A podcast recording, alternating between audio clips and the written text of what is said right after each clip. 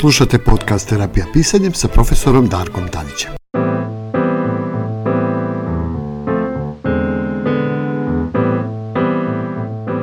Dobrodošli u novu epizodu terapijskog pisanja. Danas je moj gost Jelena Holcer, diplomirani pedagog, a pričat ćemo o jednoj vrlo interesantnoj temi koja se zove živeti u paralelnim svetovima. Dobar dan, Jelena. Dobar dan, Darko. Evo, nadam se da je tema dosta interesantna i dok smo se pripremali za ovaj razgovor, činilo mi se da si bila ovako malo zatečena kad sam te pitao šta paralelni svetovi, ajde da pričamo o tome, ali ajde da počnemo ovako. Ono što prvo i rekao, kako bih rekao, glavno pitanje, ja ću da iznesem mali ekspoze, može? Uvek. Znači, paralelni svetovi praktično, po mom nekom shvatanju, je fascinantna tema. Često o tome razmišljam u posljednje vreme i e, nikako ne mogu da organizujem neki koncept misaoni, E, da analiziram moje odnose sa mojim okruženjem, znači ljudima s kojima se družim ili sa kojima radim i tako dalje, jer sam počeo da primećujem da zapravo svi mi živimo u nekim paralelnim svetovima i da je prosto fascinantno kako opstajemo imaš. Šta su za tebe paralelni svetovi, kad bi te ovako neko pitao da definiš? Za mene je svaki čovjek jedan paralelni svet i onda koliko ima ljudi na ulici računam svako je svoj paralelni svet. U matematici ima priča o skupovima, znači jedan skup to je jedna zasebna celina, drugi skup to si na primjer ti, to je druga zasebna celina, ali ima i ono što se zove presek i ja mislim da taj presek to su neka naša zajednička interesovanja gde se na primjer preklopimo, to su te, zajedničke teme o kojima možemo da pričamo, ali opet većina tvog nekog privatnog sveta ostaje u tvojoj sferi kao što većina mog mojih interesovanja, mojih hobija, mojih razmišljenja ostane u, u sferi mog privatnog a, kruga, to jest tog skupa i to su ti paralelni svetovi. Mislim da je veći problem od toga što smo ti i ja različiti paralelni svetovi, što mi živimo sa nekim partnerima, sa decom, sa komšijama o kojima ne znamo ništa. Znači, u četiri zida imaš celu porodicu, a da se oni ništa međusobno ne poznaju. To mi je, e, čini da. mi se, strašnije nego to što su ljudi na ulici neki paralelni svetovi. Ok, mislim da si ovo dosta prilično dobro otvorila i sad je pitanje, recimo, uh, u mojoj praksi terapijskog pisanja, a i u tvojoj praksi pedagoškog rada sa decom i sa roditeljima, što još izgleda važnije u celoj priči, uh, zar ti se ne čini da ljudi koji dolaze, recimo, po neki savet, po pomoć, po konsultaciju, bilo šta, ovaj, da počnemo sa te profesionalne strane, uh, zar ti se ne čini da s obzirom da živimo u potpuno različitim paralelnim svetovima, sa različitim stavovima, moralnim konceptima, pogledima na svet i tako dalje, kako se mi uopšte razumemo uh, jedni drugi i kako uopšte možda pomognemo jednim drugima kada zapravo imamo sasvim različite poglede na svet, ljude, odnose, ljubav, emocije, što god. Meni se čini da mi pričamo različitim jezicima. Znači ti pričaš kineski, ja pričam mađarski i koliko se sad mi tu možemo razumeti. Postoji jedna divna knjiga koja se zove Pet jezika ljubavi i u toj knjizi je dato pet jezika ljubavi kako mi komuniciramo na temu ljubavi. I tu su potpuno različiti jezici i ti imaš ljude koji žive zajedno samo zato što govore različitim jezicima ljubavi, oni se ne snalaze i oni misle da su u nekom velikom problemu. I zaista i jesu. Ono što oni vide kao problem, to je njihova istina i to je njihov problem. To razumevanje, čini mi se, tih paralelnih svetova je strašno važno i postalo strašno teško. Žao mi je što nas niko ne uči, recimo od prvog osnovne trebalo bi, mislim, očigledno da nisam u pravu, pošto to nikad nikome nije palo na pamet, posebno ne u Srbiji, da nas nauče recimo kako funkcionišu različiti mozgovi. Znači, muški mozak ima svoje osobenosti, ženski mozak ima svoje osobenosti. Što znači, mi učimo neke strane jezike, učimo svašta nešto, a ne naučimo da komuniciramo sa drugim polom.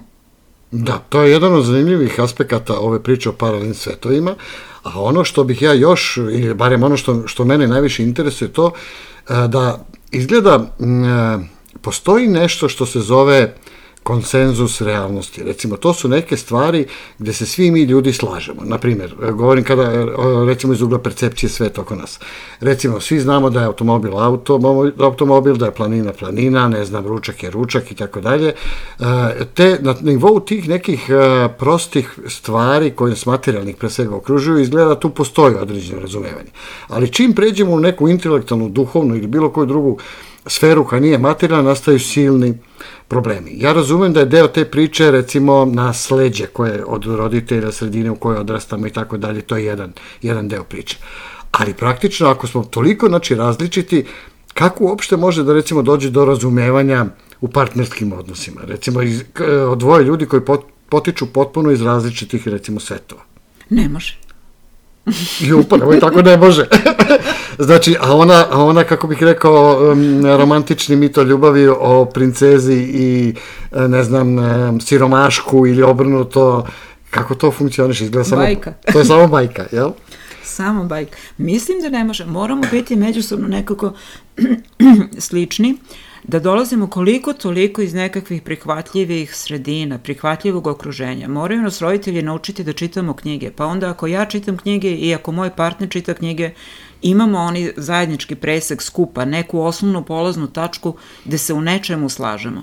Ali ako sam ja ceo život se bavila, ne znam, grnčarstvom ili nekim zanatom, a on se ceo život edukovao u potpuno drugim nekakvim intelektualnim oblastima, mi ćemo se stvarno teško razumeti.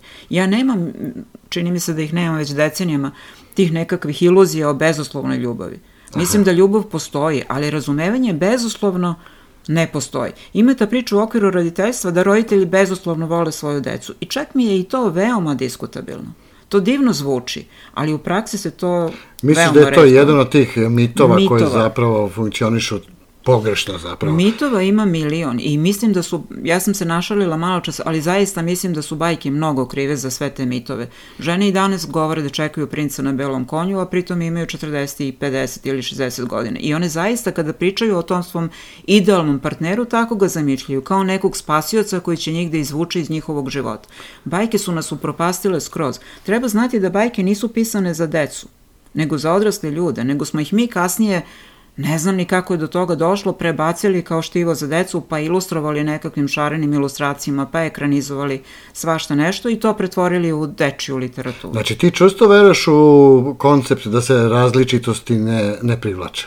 Ja verujem u koncept da što smo stariji imamo tendenciju da budemo slični sa našim voljenim ljudima ili partnerima, komšijama, da što smo slični, to se povećava Ali šansa za mit, razumevanje. E, odnosno, taj koncept se ne prima baš mnogo u populaciji. Ja primećujem da recimo puno mojih klijenata ili prijatelja ili e, ljudi sa kojima dolazim u dodir i kad načnemo te, pogotovo ljubavne, emotivne teme u partnerskim odnosima, da taj mit e, začudo veoma opstaje. Recimo da a, a, njima su sličnosti dosadne, znači a, njih privlači nešto što ih uzbuđuje, neka strast, ok, strast u početku mi je jasno, pogotovo kad je čovjek u mlađim godinama, to i biološki mislim da ima neku određenu svoju svrhu, ali što godine više odniču, a, ta razlika u nivou e, obrazovanja, duhovnog razvitka, pa na kraju socijalne pozadine s koje čovjek dolazi, znači navika, programa koje dobijamo od malena, zapravo je uzrok mnogih problema i patnje.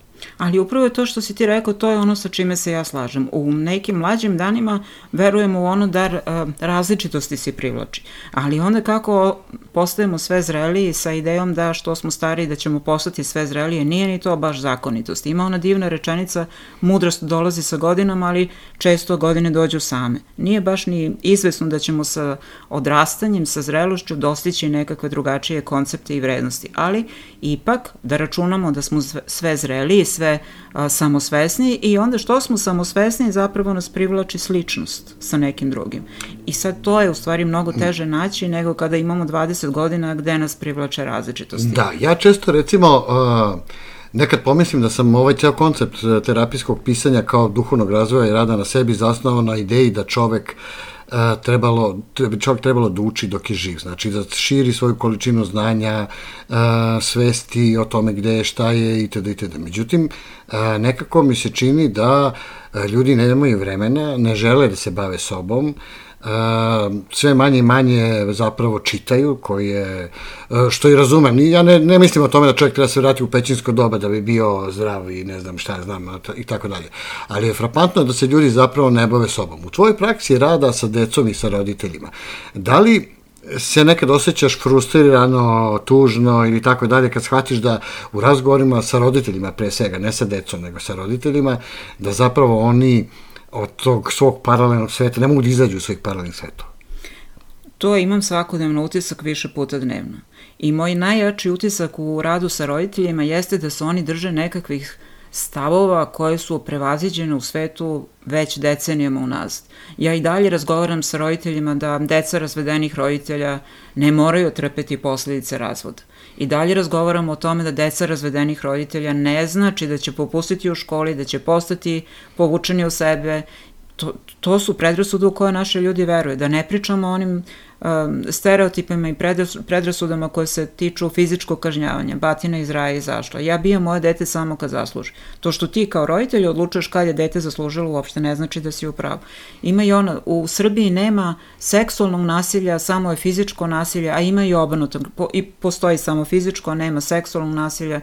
Da verbalno nasilje nije nasilje, Uh, moj krov je samo moj krov, ti kad odeš pod svoj krov, tamo radiš šta hoćeš, svašta nešto. Majke još uvek plaše svoju decu, vidjet ćeš kada ti se otac vrati kući. Znači, to su sve stvari, ja sve mislim da su tako moje babe, prababe, tako su one vaspitavane i očekivala bih da smo mi kao društvo sazreli i evoluirali u nešto drugo, ali u praksi zapravo vidim da ne. I ono što se kao pokazuje ne samo u mom radu, nego i kod mojih kolega, ljudi koji dolaze kao klijenti očekuju neku vrstu čarobnog štapa, a to niko od nas nema.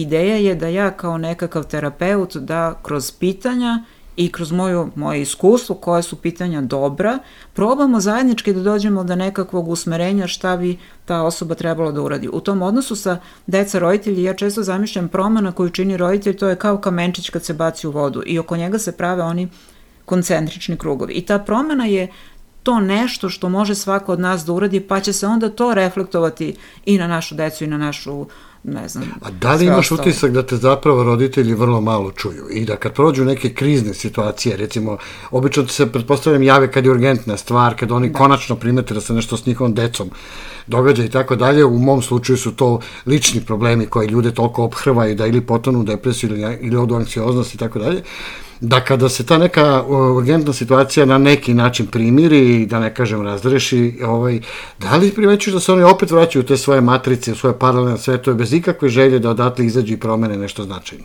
Da, imam taj utisak. Ja često pitam roditelje, to su znači odrasli ljudi koji dolaze kod mene i mi pričamo o njihovoj deci. I ja pitam te odrasli ljude, dobro sad kad biste vi pomislili na svog oca ili svoju majku, koja je vama prva asocijacija na te ljude?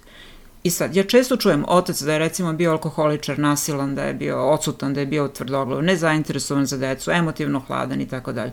Za majke često čujem da su bile obsesivne ili da su bile control freak ili da su zamrznute i da su bile ulozi žrtve i tako dalje. Zašto ja to pitam te roditelje? Zato što znam da ako je to prva asocijacija nekoj osobi s kojom razgovaram, taj deo što se setilo uve, što su se setili u vezi svojih roditelja, to čuči o njima danas. Ako to čuči o njima danas, znači da se i sa tim delom oni obraćaju svoje deci. Znači da to postoji i o njima. Znači, ako je moja prva asocijacija na mog oca da je uvek bio odsutan, to znači da je vrlo verovatno taj deo ostao i u meni i da ja mogu biti odsutna prema svom detetu. Kako se iz toga prevazilazi? Opet, čitanjem knjiga, radom na sebi, odlaženjem na neke terapije, bunaranjem, nije to lako i nije lepo. To su procesi koji su bolni, to je otvaranje nekih rana, ali mislim da to kroz taj mrak moramo da prođemo, jer ako ne prođemo, onda dolazimo do toga, kao što si ti pomenuo, da se stalno vraćamo, re, rešimo jedan problem, ali se onda vratimo na staro do, do sledeće prilike. Ja ponekad pomislim za sebe da sam kao vatrogasac, gasim neke požare nekim drugim ljudima i svoje, naravno, i svoje, ali onda ti ljudi kada ugasimo jedan požar, onda se oni primire, dođu onda posle nekog vremena ponovo s nekim novim požarom, ali šta je problem? Vrlo često je taj požar skoro identičan kao onaj koji smo odradili to, prošli znači, te put. praktično matrice se stalno ponavljaju i jako redko čovjek može zapravo da izađe, velika borba je, je potrebna. Zato što je to proces, a niko neće da se bavi procesom, svi bi nekakve čarobne instant štapiće i da I očekuju da ih ti popraviš, verovatno. Evo, ne? odmah. Ja imam najbolju bolju, ali nemam te alate, te čarobne moći nemam. E, dobro, a kaži mi, e, sad interesantno je čuti kako se ti lično nosiš sa tim problemom paralelnih svetova u svom svakodnevnom životu? Tako što ga prihvatam i tako što sam to prihvatila kao činjenicu. Ja imam svoj paralelni svet, imam deo koji ne govorim nigde, nikom, nikada i imam deo koji govorim većini ljudi. E, možda to zvuči grubo, ali ja imam određeni orman.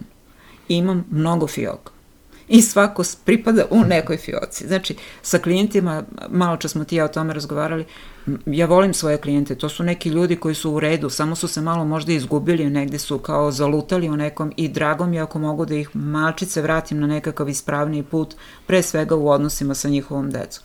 Ali klijenti pripadaju određenoj fioci. To znači da sa njima imamo određene teme i nikada ne prelazimo te teme. Ne idemo u bioskop, ne idemo na kafe, ne prelazimo to, ne postajemo na ti. Ne viđemo se privatno uopšte.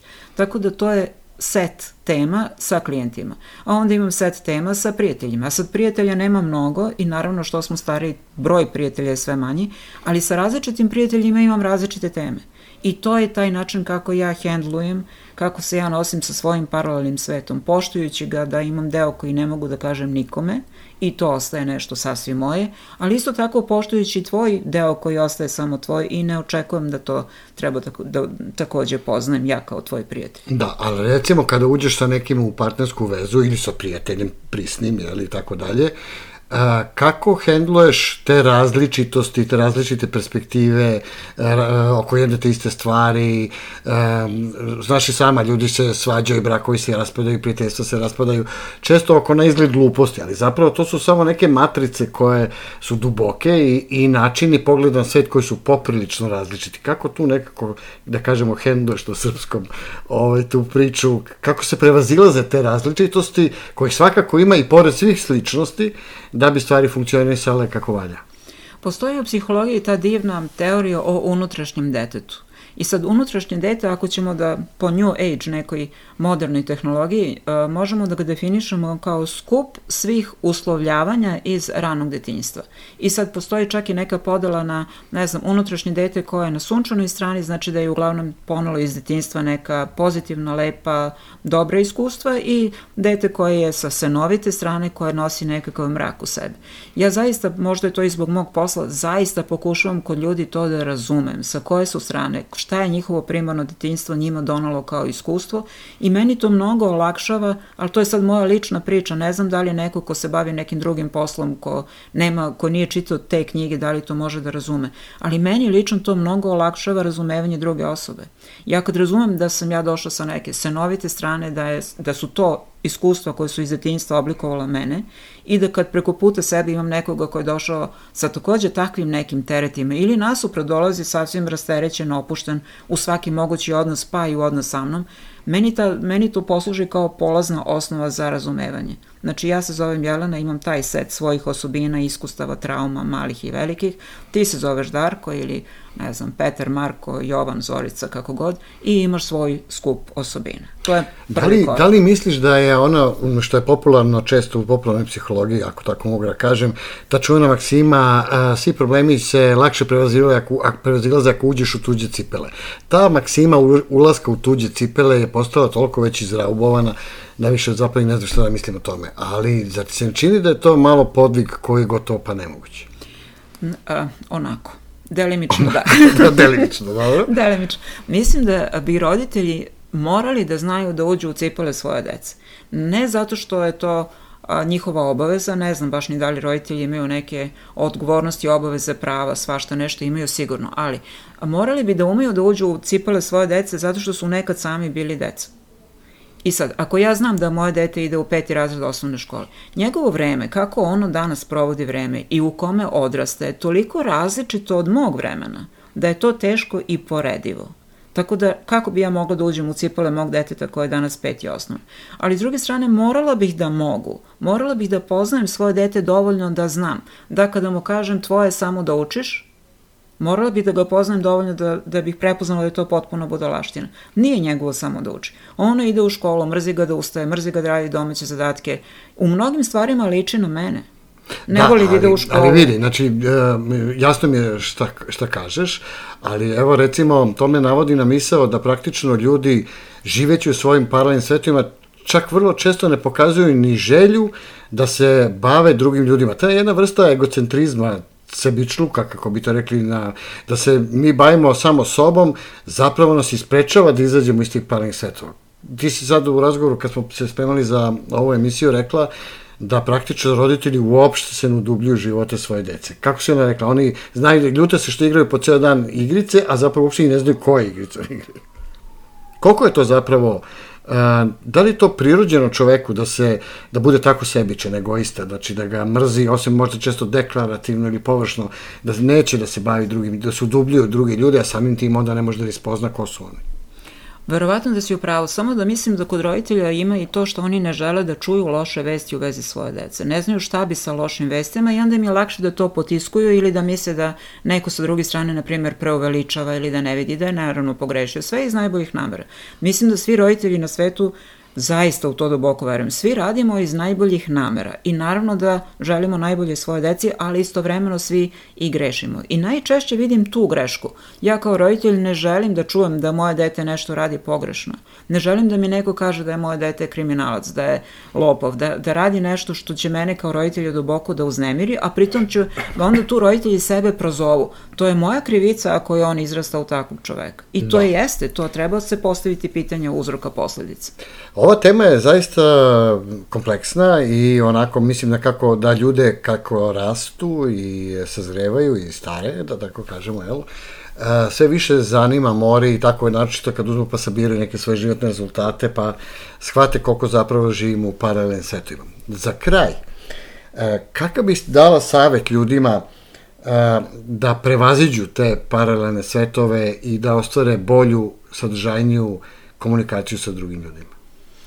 Ja sam jako praktična osoba i sad ne znam da li je ovo tema za jednu praktičnu vežbu, ali znači pronađete jednu osobu s kojom želite da imate bolji, prisniji odnos nego što ga imate. Jednu, samo jednu za početak. I onda sebi date zadatak da svaki dan napravite jedan mali korak u približavanju toj osobi. I to znači, ne mora biti muško-žensko partnersko, može biti komšija, može biti bilo ko ko vam je iole simpatičan, iole drag, iole zvuči na potencijal nekakvog kvalitetnog odnosa. Svaka stvar, jed, svaka sitnica jednog, e, svakog dana u stvari može da doprinese da taj odnos bude bolji. Meni je, znači, bolji odnos sa mojim komšijom postavit ću kao cilj. Da bi stigla do tog cilja uradit ću svakog dana jednu malo sitnu vežbu. Jednog dana ću mu reći da mu je lepa košulja, sledeći dan ću da mu pitam kako su mu deca. Da onog tamo dana ću da pitam da li treba nešto da mu ja kupim i da mu prodavnicu. Znači svakog dana ću uložiti, uložiti jedan malecki napor. Ništa veliko, ništa bog zna šta što mene silno uznemirava. Jedan mali napor svakog dana. I onda ću sa tom osobom u nekom trenutku imati dovoljno dobar odnos da kažem da, to je osoba koja je zavredila moj trud ili barem sam upoznala pa vidim Mislim da nije da, zavredila. Da, odličan ti je ovaj, ovaj, ovaj savjet i ova vežbica, to se poklapa uh, i sa nekom mojem stavom, često govorim ljudima na terapijskom pisanju, kada pišu i bave se time i razmišljaju o tome da te male korake prave, recimo mogu i da ih i zapišu svaki dan, da prate napredak. Ali to je sjajan savjet da se ljudi bave i decom i da se bave svojim partnerima aktivno.